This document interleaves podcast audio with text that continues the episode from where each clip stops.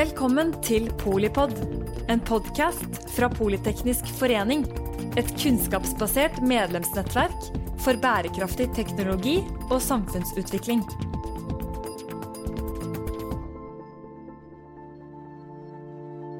Welcome to this episode directly from the summit on the modern day nuclear threat and how to respond. From the Nobel Peace uh, Center in Oslo, in collaboration with ICAN Norway, NORSAR, and Games for Change. And uh, I would like to say a very warm welcome to Mr. Kjølv Egeland, a postdoctoral researcher at the Center for International Studies at the Sciences Po uh, in Paris and uh, a reckoned uh, voice, I would say, also on, on the subject matter of today. So, uh, Kjølv, um, tell us about your work. Well, thanks. That's a very, um, a very kind introduction. So, as you said, I, I work at uh, Sciences Po in, in Paris, which is a, quite a small university um, there, and I'm uh, I, I, work at a research team or a research program called the Nuclear Knowledges Program. And what we do is we try to look at how conceptions and ideas about the past and what's happened in the past, but also ideas about the future. And we try to look at how those ideas about both the past and the future impact uh, policy making in the present and specifically related to, to, nuclear weapons. So we try to look at um, nuclear weapons in historical perspective and then not only from uh, the perspective of the past, but also the future. Just out of curiosity, uh, what kind of data or what kind of, uh, of uh, analysis do you base sort of your understanding on? So, uh, for the historical work we do, we do traditional historiographical work. We look at um, documents in archives. You know, new material is continuously being being released from from classification. You know, we work with a lot of uh, documents from for example, ministries of defense, and they tend to be classified for quite a long time. But right now, for example, a lot of documents from the 80, uh, late 1980s are being released. Mm-hmm. So we can now learn more about what happened uh, uh back then um, during, um, well, both the so called Second Cold War, when the Cold War intensified again after a lull. Uh, and also when the Cold War ended, we can now look into the archives and see a little bit about what, what happened then. Uh, but then for, for, for looking at the future and how ideas about the future impact the present, we look at, for example, speeches by policymakers and, and books and, and influential works, and we do kind of intellectual history on, on those ideas, how those ideas uh, impact policymaking pr- processes uh, in, in the present. For example, what are the threats that ministries of defense or presidents or uh, whoever, people in power, people who make security policy, what are the threats they see on the horizon and how are they acting to, to address those threats? And for example, do they see unspecified future threats that they need nuclear weapons to deter, for example? Or do they see changes in the future that might make nuclear weapons obsolete or maybe even a, a hazard to, to possess? So those are the kinds of things that we, we try to look at uh, to, to see how also ideas about the future uh, impact us um, already today. And I guess uh, in such uh, forecasting, in a way, uh, you uh, you also include what is not being said or is not being communicated. Yeah, no. a lot of what we do also is to try to think through the assumptions and implications of dominant policy, uh, foreign policy ideas and uh, foreign policy forecasting and analysis. For example, there's a very uh, pervasive idea about nuclear proliferation. You know, very often the study of nuclear weapons, uh, nuclear weapons politics, is more or less equated with nuclear proliferation. Mm. You know? For a long time, the only um, specialized journal dealing with this subject was the Non-Proliferation Review, based at Monterey. So, for, uh, in, a, in a way, uh, pr- the proliferation issue kind of subsumed the whole the whole um, uh, area, and this is interesting because you know the, the proliferation metaphor. It's a metaphor, obviously. It's imported from biology, mm. and it kind of uh, implies a contagion, uh, a kind of linear or even exponential process that can't really be reversed. So already in the framing of the problem, you've kind of baked in assumptions about how the world works and how history works. Um, that probably impact how policymakers think about these issues. You know that they think about, oh well, um, the nuclear problem is a problem to do with limiting a worsening of the situation, rather than, for example, trying to uh, push everything back and do disarmament or renunciation, um, things like that. So those are some of the some of the things that we like to look at and and uh, and see how sort of plays out. And also, there's tons of interesting things to look at in popular culture, uh, as we know from from from history. Um, popular culture, including movies, have sometimes been incredibly influential. For example, mm. we know that Ronald Reagan was personally very influenced by the TV movie uh, The Day After, and so uh, so all of these uh, cultural uh, products and cultural imaginaries also play a really important role, we think, in in shaping ideas about nuclear weapons politics and what's possible within nuclear weapons politics. You see any differences uh, in different uh, regions of the world, or are you studying Europe or, or the Westerns, or yeah, so we try to look at the and and my own uh, in my own uh, work, I've I've tried to look at the global picture and mm-hmm. the multilateral picture. So I did my PhD on the topic of multilateral nuclear disarmament and the evolution of the institutional and legal framework for multilateral nuclear disarmament. So essentially, what happens at the United Nations and uh, the Conference of uh, on disarmament in Geneva. So um, that's sort of the, the multilateral UN system, and we'll look at different coalitions of actors that are pushing or promoting different ideas. You know, um, nuclear weapons politics is quite interesting in the sense that, uh, at least traditionally, this is one of the areas where countries like Russia, the United States, and China are kind of best friends. Mm-hmm. Whereas in virtually any other scenario, they're on opposite sides of the table. But in nuclear weapons politics, or certainly multilateral nuclear politics, uh, it's usually been sort of the nuclear weapon states on together on one side of the table, and then non-nuclear weapon states trying to promote disarmament on the other side of the table. And which are the nuclear states? So there's nine nuclear uh, uh, weapon states or nuclear armed states, and we can take them in chronological order. So the United States was the first nuclear power, as many many people know uh, about the the, the U.S. Uh, nuclear weapons program uh, um, formed during the Second World War, the so-called Manhattan Project. So they finished uh, a first bomb in in the summer of 1945. But then came the Soviet Union a few years later in 1949. So they actually developed a bomb much quicker than um, many Americans and uh, the intelligence community thought. Uh, and then just a few years after that came Britain, the United Kingdom, and then uh, France. They joined the club, uh, the so-called nuclear club, in 1960, and then came China in 1965. Mm. And then things were really starting to kick off, and there was a campaign around that time to try to stop this dissemination or spread of nuclear weapons. So, as we talked about earlier, we have this metaphor of proliferation that actually wasn't really that much in use at that time. They called it uh, the dissemination problem or the spread of nuclear mm. weapons. But then, so in the, in the second half of the 60s, a uh, bunch of states came together in a committee to negotiate a uh, treaty to stop this proliferation or this spread of nuclear weapons. That, that ended up being the so-called Nuclear Non-Proliferation Treaty. But that uh, of course, was not popular with certain states that were quite keen to develop their own nuclear weapons. So many states, um, at least for a long time, refused to join. And so you had uh, India joining the club in 1974. Uh, they refused to s- join the NPT and developed um, nuclear weapons on, on the outside, as it were. And then you had uh, Israel as well. Israel is the one nuclear weapon states out of the nine that hasn't acknowledged officially possessing nuclear weapons. But it's mm-hmm. kind of an open secret.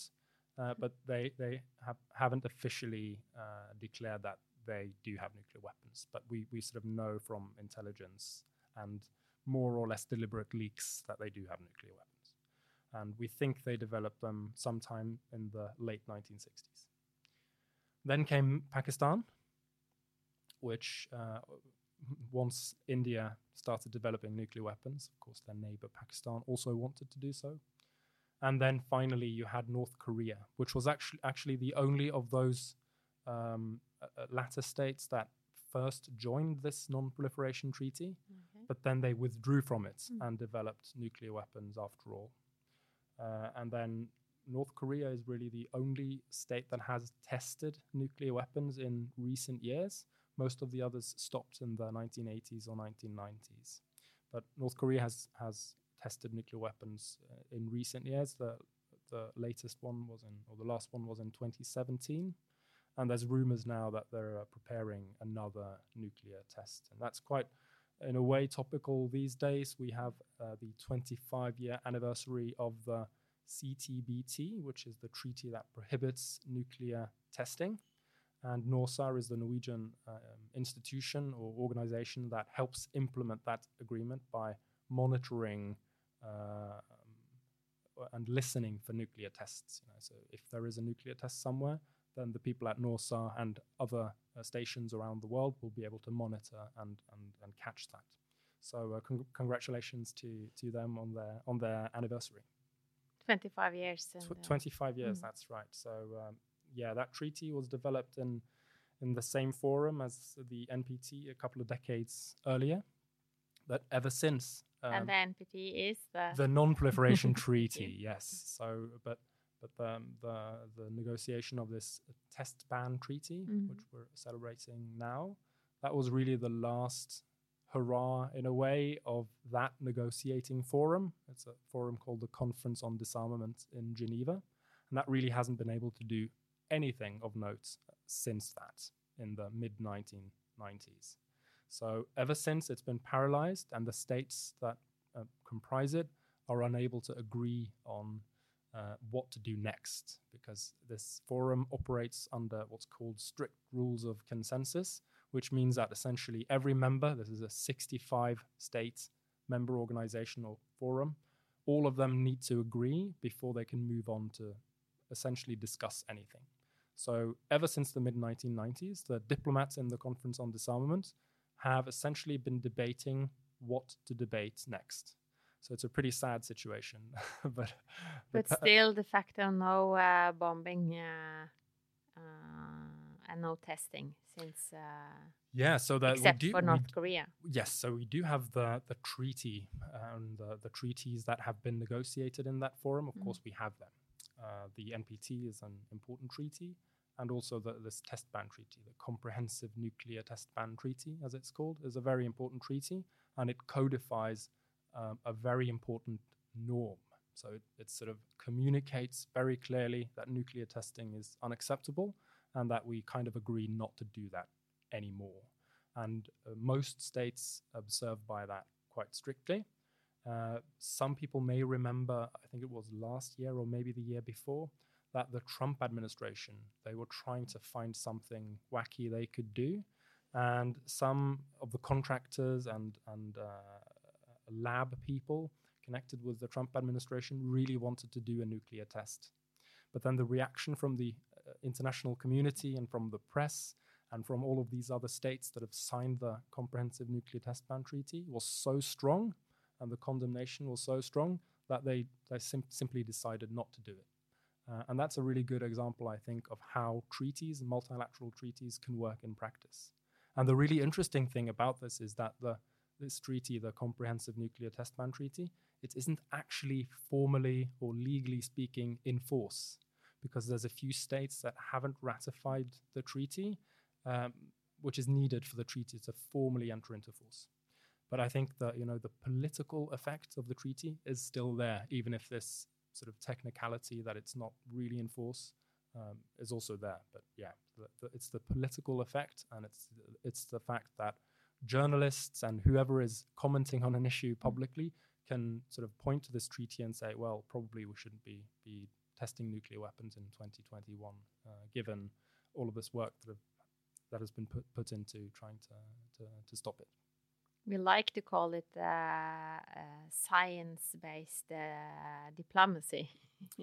Indeed, yeah. Uh, so the the seismologists, for example, who work at NORSAR, are doing a really uh, incredible job of providing sound technical data and analysis that uh, people can use and that provides uh, and gives us uh, confidence that uh, that we can know with fair amount of certainty what is happening. You know, because mm.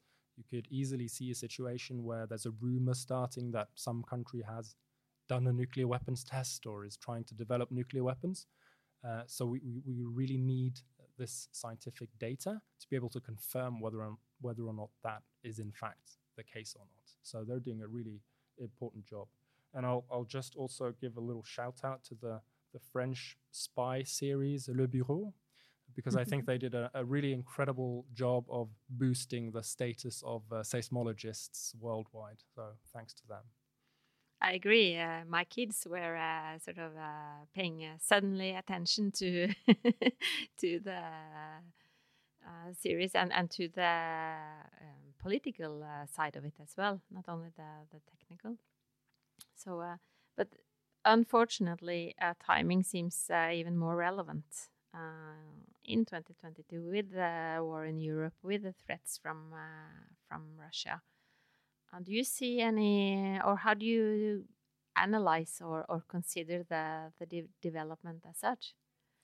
Well, I think, as probably many other people, that it's quite scary what's happening, uh, and it's a it's a stark reminder of the fact that these nuclear weapons are there and can be used. You know, there's there's uh, millions and millions of dollars put into having these weapons being being ready and available for use. That's kind of the whole point of them from from the perspective of the the, the states and the bureaucracies that maintain them.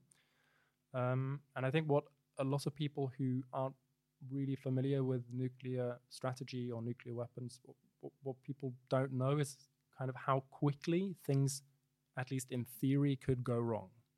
Because we, we like to think, or we hope that policymakers would be extremely restrained when when uh, when thinking about whether or not to use nuclear weapons, and perhaps they would be very careful in choosing their targets and all of these things.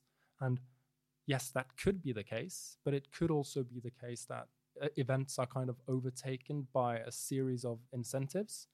And we know, for example, that all of the nuclear weapon states, certainly the two biggest ones, Russia and the uh, United States, have plans available, or sort of you can think of them as menus almost, uh, that can be um, implemented on really short notice, where all of the targets have been pre selected in advance uh, in order to make things go really quickly. Because with nuclear strategy and with nuclear weapons, uh, the thinking is things need to go really quickly because ballistic missiles in particular travel at you know really incredible mm. speeds uh, way above 20 times the speed of sound so, um, what these states are often worried about is that another nuclear weapon state will target their own nuclear weapons so that they're not able to use them. So, they have this window uh, between detecting an incoming attack uh, and authorizing uh, their own strike, which is very short. We're talking really 15 minutes or less in many cases. And you could imagine a scenario where, based on a misunderstanding or faulty intelligence or an error in a computer system, or even in this day and age, hacking, mm-hmm. uh, where things could spiral out of control very, very quickly. Because once the missiles start flying, or not, not even that, once people think the missile, mm-hmm. missiles have started flying, they may feel this incentive to try to do damage limitation and to ensure that they can fire off their own weapons as quickly as possible before they're taken out, taken out by the by the enemy. So of course it's it's this knowledge that I think at least in part has kept, for example, Joe Biden uh, from intervening more directly in Ukraine, or at least that's that's um, the more or less official justification that's given. For example, for not implementing this idea of a no fly zone, which mm. some people have talked about in relation to Ukraine, that NATO could uh, go in with their fighter jets and, and keep Russian fighters or uh, military assets out of the sky. Well, the trouble is that this could very easily, at least in theory again, spiral out of control and end up provoking nuclear escalation, which again could be very, very uh, rapid. So I think that's one of the reasons why some of us who study nuclear weapons are uh, are a bit worried uh, these days. Of course, I don't think the likelihood of nuclear war is very high, but the consequences would be so extreme that the the risk is significant. You know, we we usually think about risk as the product of consequences uh, and likelihood, and with nuclear weapons, the consequences are so extreme that the risk is sort of significant, and considerable, even if the likelihood is fairly low. So, um, and yeah. the likelihood is probably at, at least it looks uh, more uncertain in a way. It, it looks uh, like uh, more, uh, even though you describe this as a as a menu we, uh, from a restaurant, by the way, that I would not. Uh, I don't feel hungry. I will not eat anything there.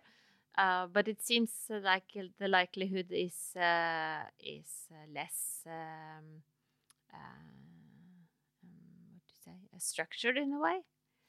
Yeah, I mean, and it's and it's essentially impossible to determine accurately what mm. the likelihood is.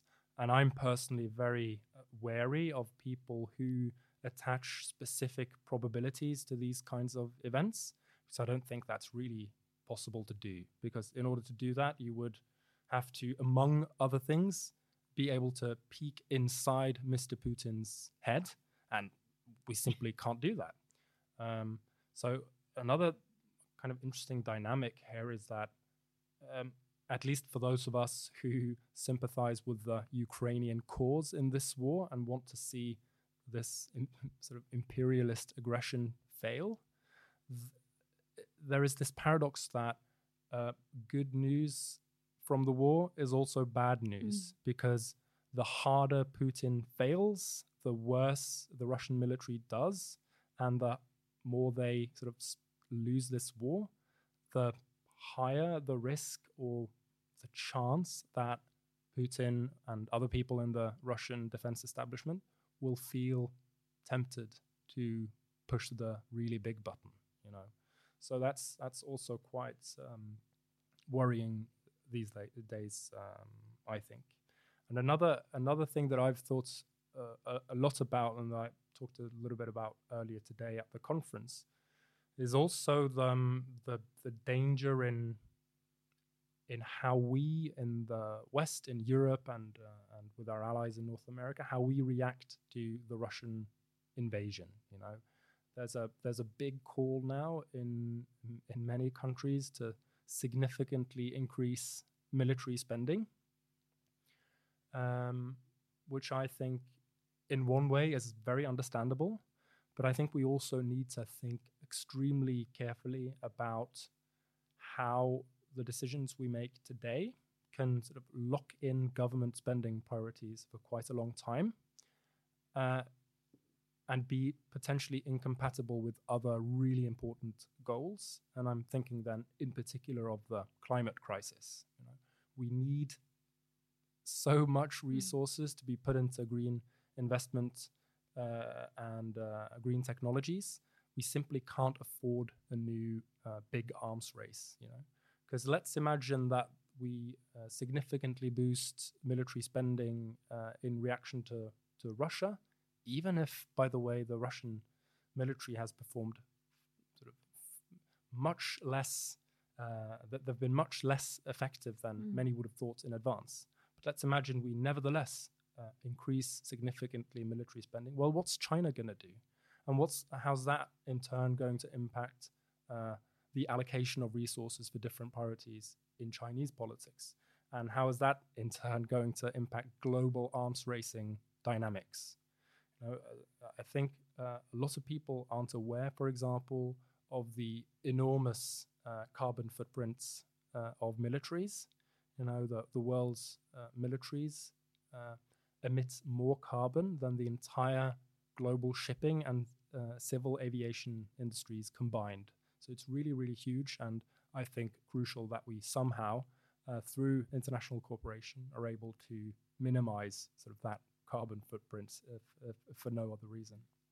And we do have enough uh, nuclear weapons. Uh, already to a- destroy a- ourselves. uh, there's there's plenty enough to destroy um, a human civilization. So uh, yeah, I mean, there's been it's been in numerical or quantitative terms, there's been quite a lot of disarmament since the peak year in 1986. There's been a Mm. downward trend in the sort of size of the global nuclear arsenal, but it's still of a size where it could destroy human civilization as we know it. Mm. So in a way, that disarmament may be, um, shall we say, less significant than it might look if you just look at the numbers.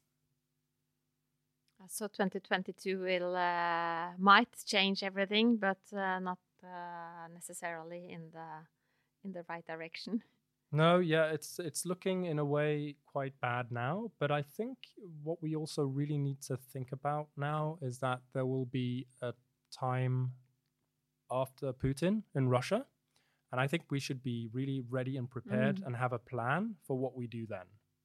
And I think another really interesting dynamic with this war is that Russia and Putin is now so associated with nuclear weapons and nuclear threats that almost any effort at creating something new, at creating a new democratic Russia, would almost necessarily have to be pro disarmament, mm. anti nuclear.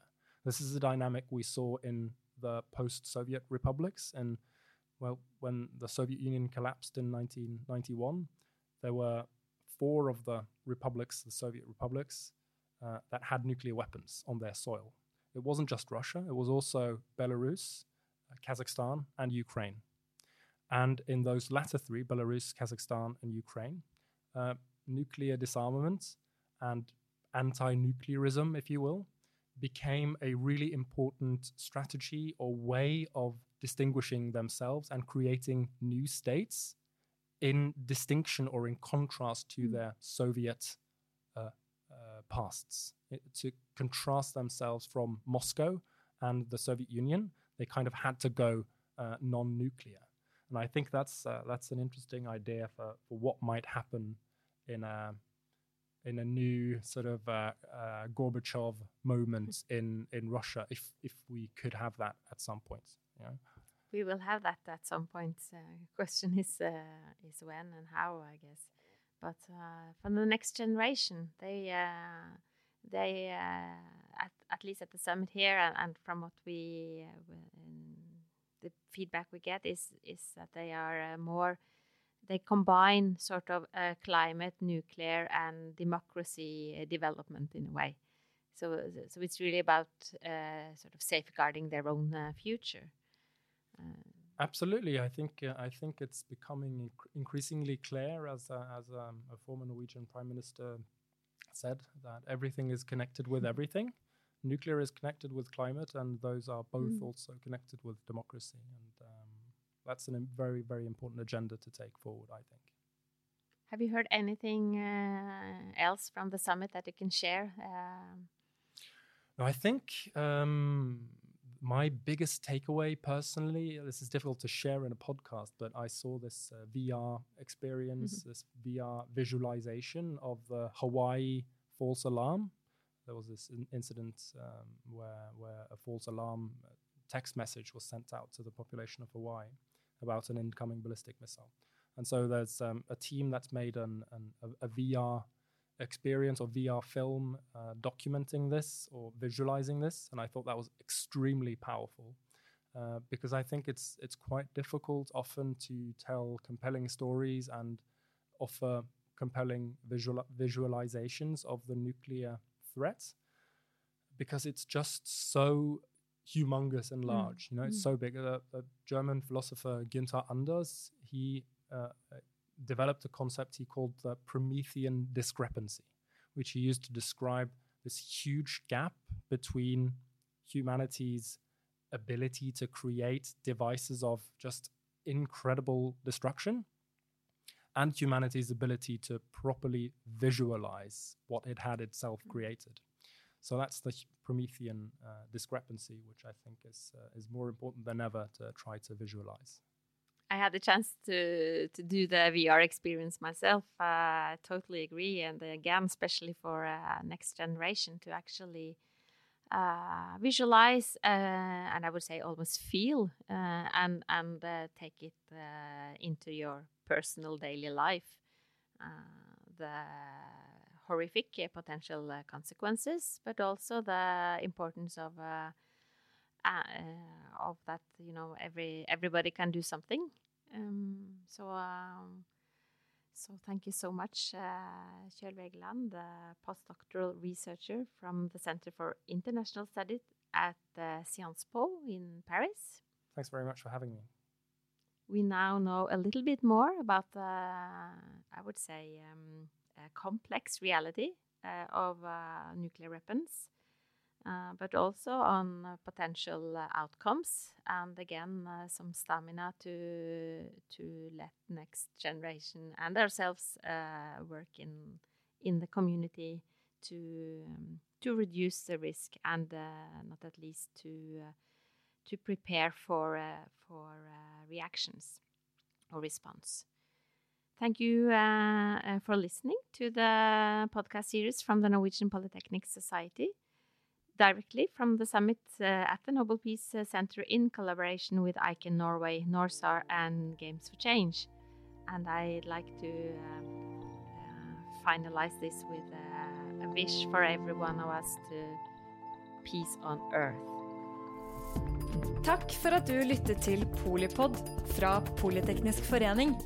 Få med deg flere episoder, eller bli med på nettverksmøtene som du finner på at polyteknisk.